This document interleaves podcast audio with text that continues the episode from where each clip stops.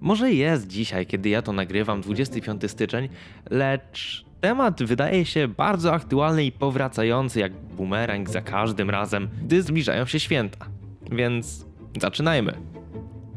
Święta, święta i po.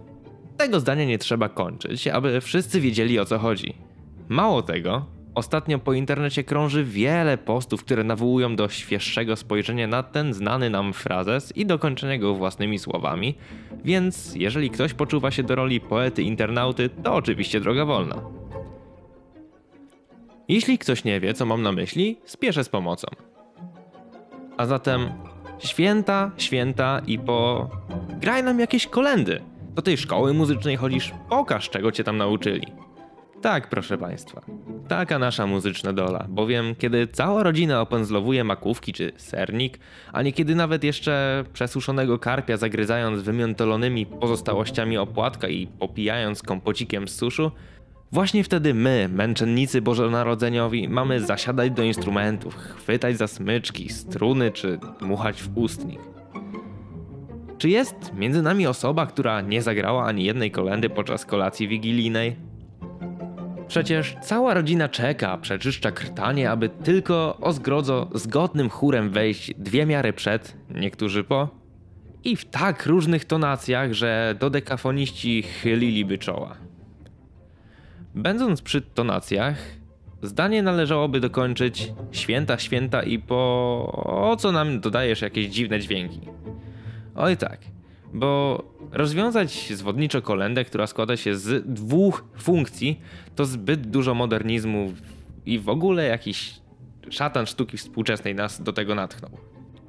Nie wiem, czy na przykład odważyliście się dodać jakieś dźwięki przejściowe, obiegniki czy głosy kontrapunktujące. Jeżeli tak, mam nadzieję, że nie zostaliście wydziedziczeni. Mimo wszystko, ze zbrodni na tle harmonicznym w okresie świątecznym największa jest kreatywność, moi mili. Kawałek jazzu do Lulajże Jezuniu? Ba, samo dodanie jakiejś sekcji czy zeptymy? Nie wydziwiaj.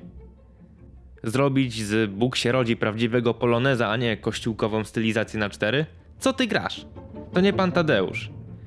Słowem, trzeba uważać. Wychodzi na to, iż jedyną powszechnie dopuszczalną przez grono starszyzny ludu przy stole wigilijnym wariacją kolęd są wiejskie tercje. Myślę, że każdy wie o co chodzi, ale na wszelki wypadek tu niezawodny przepis. Do każdej melodii dodajcie tercję i voila. Możecie podbijać serca babci, dziadków, wujków i cioci. No i finalnie. Święta, święta i po... Czekaj, tam tak nie jest. Czyli gdzie przyspieszyć, a gdzie zwolnić, aby było dobrze. Z moich obserwacji wynika, iż poprawna agogika kolęd jest odwrotnie proporcjonalna do ilości spożytych uszek w barszczu. Zatem im więcej goście zjedli, tym wolniej trzeba grać. Proste. Szczególną uwagę należy zwrócić tu na fragmenty typu czym prędzej się wybierajcie, aby przypadkiem nie wybierać się zbyt szybko, bo można się potknąć. Ewentualnie cuda cuda ogłaszają. Tu nikt nie wie z jaką prędkością są ogłaszane owe cuda, bowiem trzecia część ludu wszego zawsze zdaje się śpiewać tempo primo, kolejna niestrudzenie przedłuża wartości dokładnie dwukrotnie, a ostatnia, trzecia, to ofiary obu poprzednich obozów. Zaczynają śpiewać szybko, potem się gubią, po prostu przestają śpiewać. A ty, do której z grup należysz?